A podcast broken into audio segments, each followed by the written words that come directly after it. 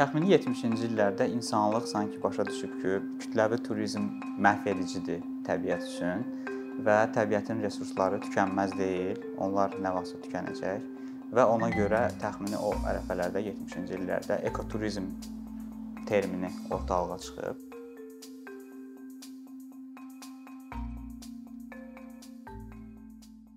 Ümumiyyətlə bu termin öz-özlüyündə biraz ə, tam bunun ə, dəqiq tərifi yoxdur. Ona yəni dəyişkəndir, müxtəlif ə, elm işçiləri müxtəlif təriflər verirlər, amma yuxarı-aşağı ortaq kəsişmə nöqtələrini ümumiləşdirərək demək olar ki, ekoturizm nədir? Təbiət ərazilərinə səyahət, amma bu səyahətin nəticəsində ə, ətraf mühitə ətraf mühit barədə fərqindəlik artmalıdır. Yəni səyahət edənlər barədə tutaq ki, turun bələdçisi və ya e, kimsə turu təşkil edən onlara bu barədə məlumatlar verməlidir və e, ümumiyyətlə də onlar gedib özləri görməlidir, yerli problemləri, sosial problemləri görməlidir. E, ümumiləşdirsək, ətraf mühit barədə fərqindəlik artırmalı artırmalıdır. E, və bu fəaliyyət nəticəsində, yəni ekoturizm fəaliyyəti nəticəsində yerli insanlar birbaşa gəlir əldə etməlidir və konservasiyaya, yəni ətraf mühitin qorunmasına burdan birbaşa xeyir getməlidir. Yəni birbaşa və ya dolayı yollarla birbaşa təbii ki, ola, ola bilmir. Çünki insan əgər təbiət ərazisinə gedirsə, təbii ki, sən orada müəyyən təsirin olur və heç kəs deyə bilməz ki, hansısa səyahət təbiətə xeyir verir də. Təbii ki, bu ziyan verir. Amma sənin bu fəaliyyətin nəticəsində oradan əldə olunan gəliri tutaq ki, sən konservasiyaya yönəldə bilərsən, ətraf mühitin qorunmasına yönəldə bilərsən, hansısa sosial layihələrə yönəldə bilərsən, həm həmin ərazidə baş verən, tutaq ki, baş verən yox, orada hal-hazırda mövcud olan hansısa problemləri aradan qaldırmaq üçün ə, sosial layihələrə yönəldə bilərsən. Yəni belə cəmləşdirsək, ekoturizmin e, ümumiyyətlə beynəlxalq ekoturizm cəmiyyəti belə ekoturizmin təsnifini verir, e, tərifini verir. E, təbiət ərazilərinə məsuliyyətli səyahət hansının ki nəticəsində ətraf mühitin qorunmasına birbaşa gəlir gedir.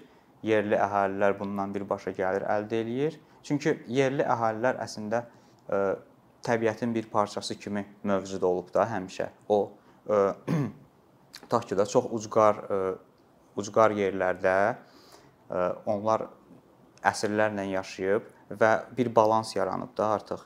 Onların təsiri təbiətə balanslaşıb. Yəni təbiət orada bir ekosistem yaranıb və bu insanlar da qəribə də olsa artıq bu ekosistemin bir parçasına çevrilib. Amma artıq biz ora gedəndə bu belə bir termin var da ingilis dilində carrying capacity. Bir növ həmin yerin tutumluq bacarığı da. Biz gedəndə ora, yəni kütləvi şəkildə insanlar ora getməyə başlayanda o yer ona nəzərdə tutulmayıb da o, o qədər adamın getməsi üçün və ona görə istər-istəməz orada həm həm ekoloji təsirlər olur, həm də yerli mədəniyyətə təsirlər olur. Ona görə də çox vacibdir ki, yerli əhali turizmdə bir yəni iştirak eləsin və turizmdən birbaşa gəlirlər əldə eləsin. Yəni onlar kiminsə işçisinə çevirmə, çevrilməsin də. Tutaq ki, bir misal, hansısa bölgədə tutaq ki, gəlib bir e, otel tikir kimsə, hansısa biznesmen və e, yerli əhali avtomatik bu otelin işçisinə çevrilir.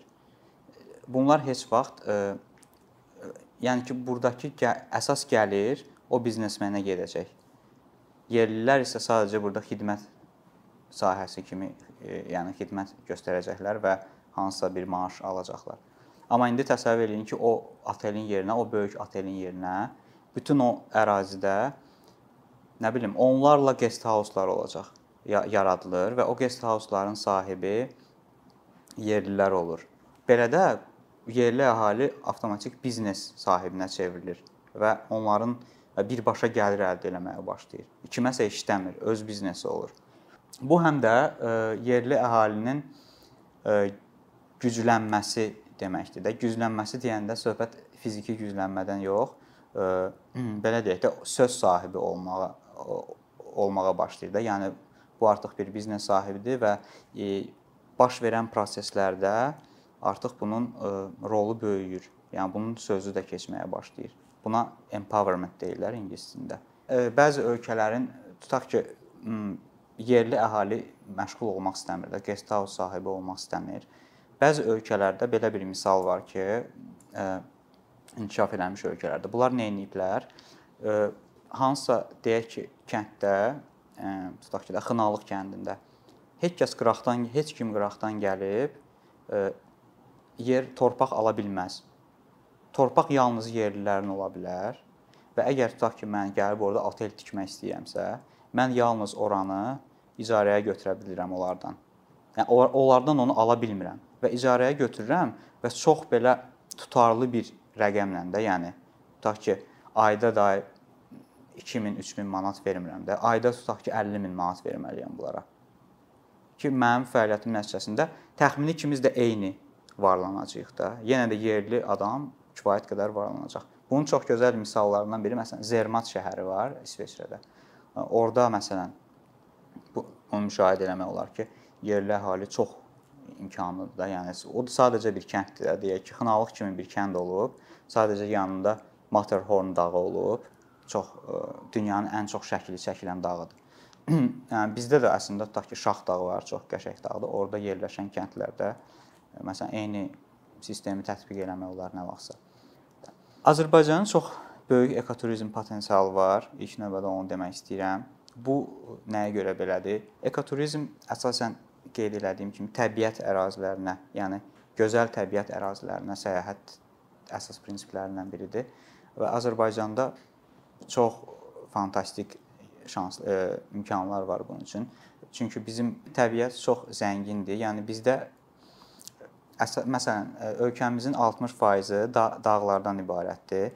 Ölkəmizdə 3 fərqli dağ silsiləsi var. Böyük Qafqaz dağları, Kiçik Qafqaz dağları, Talış dağları və hərəsi özünə görə çox fərqli ə, unikal gözəlliyə malikdir. Məsələn, Böyük Qafqaz dağları yüksək dağlardır və belə əzəmətli dağlardır. Kiçik Qafqaz dağları çox gözəldir, çoxlu göllər var, şəlalələr var. Talış dağları isə ümumiyyətlə başqa aləmdir də, yəni çox çox ə, unikal yerdir. Oradakı flora və fauna, dağların, bütün dağların meşə ilə örtülü olması və ümumiyyətlə ordakı dediyim kimi də flora və fauna fərqlidir. Bəzi endemik növlər var ki, onlar yalnız orada tapılır. Hə. Yəni belə geniş imkanlarımız var ekoturizm üçün. Amma təəssüf ki, hələ ki Azərbaycan daha çox kütləvi turizmin doğru gedir. Yəni ən azından 20-ci əsrin ilk deyək ki, 20 ilində. Amma indi artıq indən sonra yavaş-yavaş biz də onun fərqinə varırıq ki, bizim bizim üçün doğru olan turizm yolu ekoturizmdir. Çünki bizim təbiətimiz var və ölkəmiz elə də böyük deyil, yəni bizim resurslar daha tez tükənəcək. E, bizdə hal-hazırda biz kütləvi turizmdən başlamışıq. Bəzi düzdür, e, təbiət ərazilərinə e, tutaq ki, əsasən yürüyüş təşkil edən, e, yəni hiking deyirlər buna yürüyüş təşkil edən şirkətlər var. Amma bunlar bir növ özləri özlərini ekoturizm şirkəti elan ediblər də. Yəni e, tutaq ki, heç bir e, sertifikasiya yoxdur. Dövlət tərəfindən heç bir nəzarət mexanizmi yoxdur. Məsələn, e, digər ölkələrdə belə misallar var ki, tutaq ki, müəyyən kriteriyalar var. Şirkət onlara riayət eləmirsə, bu sertifikatı ala bilmir də. Yəni bu artıq eko sertifikatını ala bilmir. Onlar onlardan bizdə yoxdur. Bizdə hələ ki turizm bir növ öz-özünə inkişaf eləyir və öz-özünə bunu öz başına buraxanda da bu kütləvi turizmə çevrilir. Çünki e, insanlar gedir regionlara, e, heç bir nəzarət yoxdur kim hara istəyir, nə qədər neçə nəfər istəyir gedir. Məsələn, milli parkların o carrying capacity söhbətinə nəzarət yoxdur. Tutaq ki, bir milli parka bir gündə 10 min adam da getsə, heç kəs deməyəcək ki, niyə bu qədər adam gəlib də. E, eləcə də kəndlərə, məsələn, Lahıc kənd, Lahıc kəndi var. Orda artıq bu turizmin mənfi təsirlərini görmək olar. Yerli əhali birincisi artıq bir növ onların o unikallığı yavaş-yavaş itməyə başlayır. Çünki çox adam gedir, hamı artıq turizmə turizmlə bir pul qazanmaq istəyir və bu sistematik şəkildə baş vermir deyə biraz öz başına şəkildə baş verir. Sui istifadələr çox olur falan və zibilləmə problemi yaranır. Çox bayaq dediyim kimi də tutaq ki, kənddə 1000 nəfər yaşayırdı həmişə. İndi birdən-birə həftə sonu kəndə 15 min adam gəlir bir günə. Yəni gör, gör burada zibil tutaq ki, hara gedəcək, insanlar hara atacaq zibili falan. Belə problemlər yaşanır. Over turizm deyirlər bunu. Əslində e, bəzi şirkətlər var ki, sırf onların öz şəxsi təşəbbüsüdür ki, onlar e, həqiqətən ekoturizmin bütün prinsiplərinə də olmasa, bir çoxuna riayət edirlər. Məsələn, onların fəaliyyəti nəticəsində yerli əhali gəlir qazanır. Onlar sosial layihələr edir, onlar ətraf mühitin qorunması üçün nələrsə eləyir. Var belə şeylər təbii ki, amma çox azdır, çox azdır. O ki qaldı əslində bizim üçün çox rahat, rahatdır hal-hazırda. Rahat olar, yəni ekoturizmi inkişaf elətdirmək. Çünki bütün qərbdə artıq bütün bu mərhələləri keçiblər.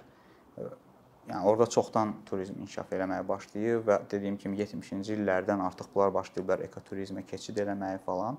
Yəni biz e, bir növ çox yaxşı misallar var bizim qabağımızda. Yəni biz özümüzdən heç nə icad eləməli deyilik də hal-hazırda. Bu artıq oturuşub. Yəni bunun necə düzgün olmalıdırsa, onu çox rahat baxa bilərik də. Yəni digər misallardan, uğurlu misallardan baxıb sadəcə onu biz götürüb özümüzdə tətbiq etməliyik. Yəni özümüzdən heç nə fikirləşməli deyilik. Əsas yəni odur ki, yerli əhali maksimum birbaşa iştirak eləsin bu turizmdə. Yəni kimlərsə qıraqdan gəlib orada yox, elə onların özləri e, biznes sahibi olsun, e, özləri şirkət qursunlar, e, tutaq ki, bələdçilik xidmətləri təklif eləsinlər falan. Amma təbii ki, burada dövlətin də müəyyən müdaxilələri olmalıdır. Ki, dediyim kimi də, yəni kapitalizm də belədir ki, hamı sadəcə sadəcə yox, hamı əsasən gəlirə, gəliri düşünür də, yəni gəlir qazanmaq istəyir və bəzən e, çox da önəmli olmaya bilər də bu ətraf mühit məsələləri hamı üçün önəmli olmaya bilər də. Ona görə dövlət müdaxilələr eləməlidir ki, heç kəs e, heç kim öz başına şeylər eləyə bilməsin. Yəni bu dediyim kimi müdaxilələr də necədir? O sertifikatlaşdırmalar falan ki, bu kriteriyalara tutaq ki, hansısa şirkət cavab verirsə, e, ona bu sertifikat verilir, sonra o şirkət onu öz marketinqində istifadə eləyir ki, tutaq ki, biz bu sertifikatı almışıq da biz ekoturizm şirkətiyik əsl. Məsələn, sertifikatın adı tutaq ki, eco-friendly, eco-friendlydir məsələn deyək. Bu sertifikatı var və artıq turist də gələndə, tutaq ki, əsas qərb turisti məsələn gələndə fikir verəcək ki, hə bunlar dayanıqlılıq prinsiplərinə əməl eləyirlər və onları seçəcək və o birisilər avtomatik filtr filtr olacaq. Dediyim kimi də ölkəmizin bu landşaftı imkan verir ki, bizdə ekoturizm inkişaf eləsin. Ekoturizm inkişaf eləyəndə insanlar başlayır getməyə ucqar kəndlərə falan. Və burada artıq bu dövlətin dediyi müdaxilələri olmalıdır ki, tutaq ki, kənd inkişaf eləməyə başlayır, artıq hansısa biznesmen düşünür ki, aha, orada nəsə gəlir var da, gedim orada bir dənə yəni 5 ulduzlu otel tikim, qəşəng xidmət təklif eləyim. İnsanlar da gələndə orada qalmağa başlayacaqlar. Yəni dövlət artıq belə şeylərə müdaxilə eləyib onun qarşısını almalıdır ki, belə şeylər mümkün olmasın. Yəni çox həssas bir e, yerdir də bura. Burada həmişə tutaq ki 1000 nəfər yaşayıb, sən indi birdən-birə gəlib burada 5 ulduzlu otel. Oranın infrastrukturu onun üçün nəzərdə tutulmayıb da. E, və ondan əlavə də yerli əhali o zaman bayaq dediyim kimi sadəcə xidmətçiyə çevriləcək. O oteldə düzdür işləyəcək, amma bu heç vaxt varlanmayacaq.